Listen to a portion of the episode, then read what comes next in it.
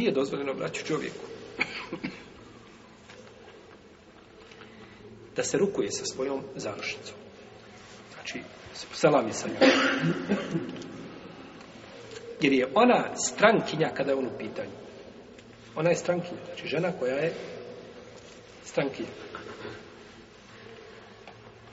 Taman kazao, ja se rukujem bez prohtjeva. Ja protiv, ne protiv, to nema ni... Spominjali smo pitanje čega?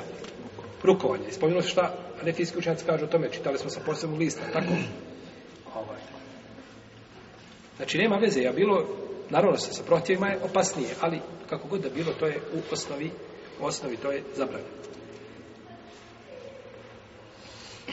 Kaže poslanik sa da neko od vas bude proboden željeznim šilom u glavu, to mu je bolje nego da dotakne ruku žene koja mu nije halal.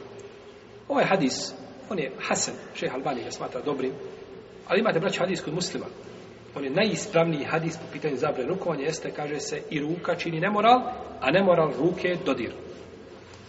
I ljudi spominju ovaj hadis u probodnem šilu, jeste, on je, ali, ali nije jak. lanas proslava ovoga hadisa nije jak kao ovoga kod muslima. Jasan hadis, nemoral ruke dodir.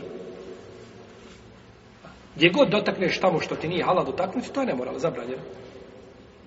Pa je nemoral ruke dodir. I poslanik osrame nikada se nije rukovao sa ženom. Kad bi došla do žena da mu da prisegu, kaže Allah dajem ti prisegu. Bejo.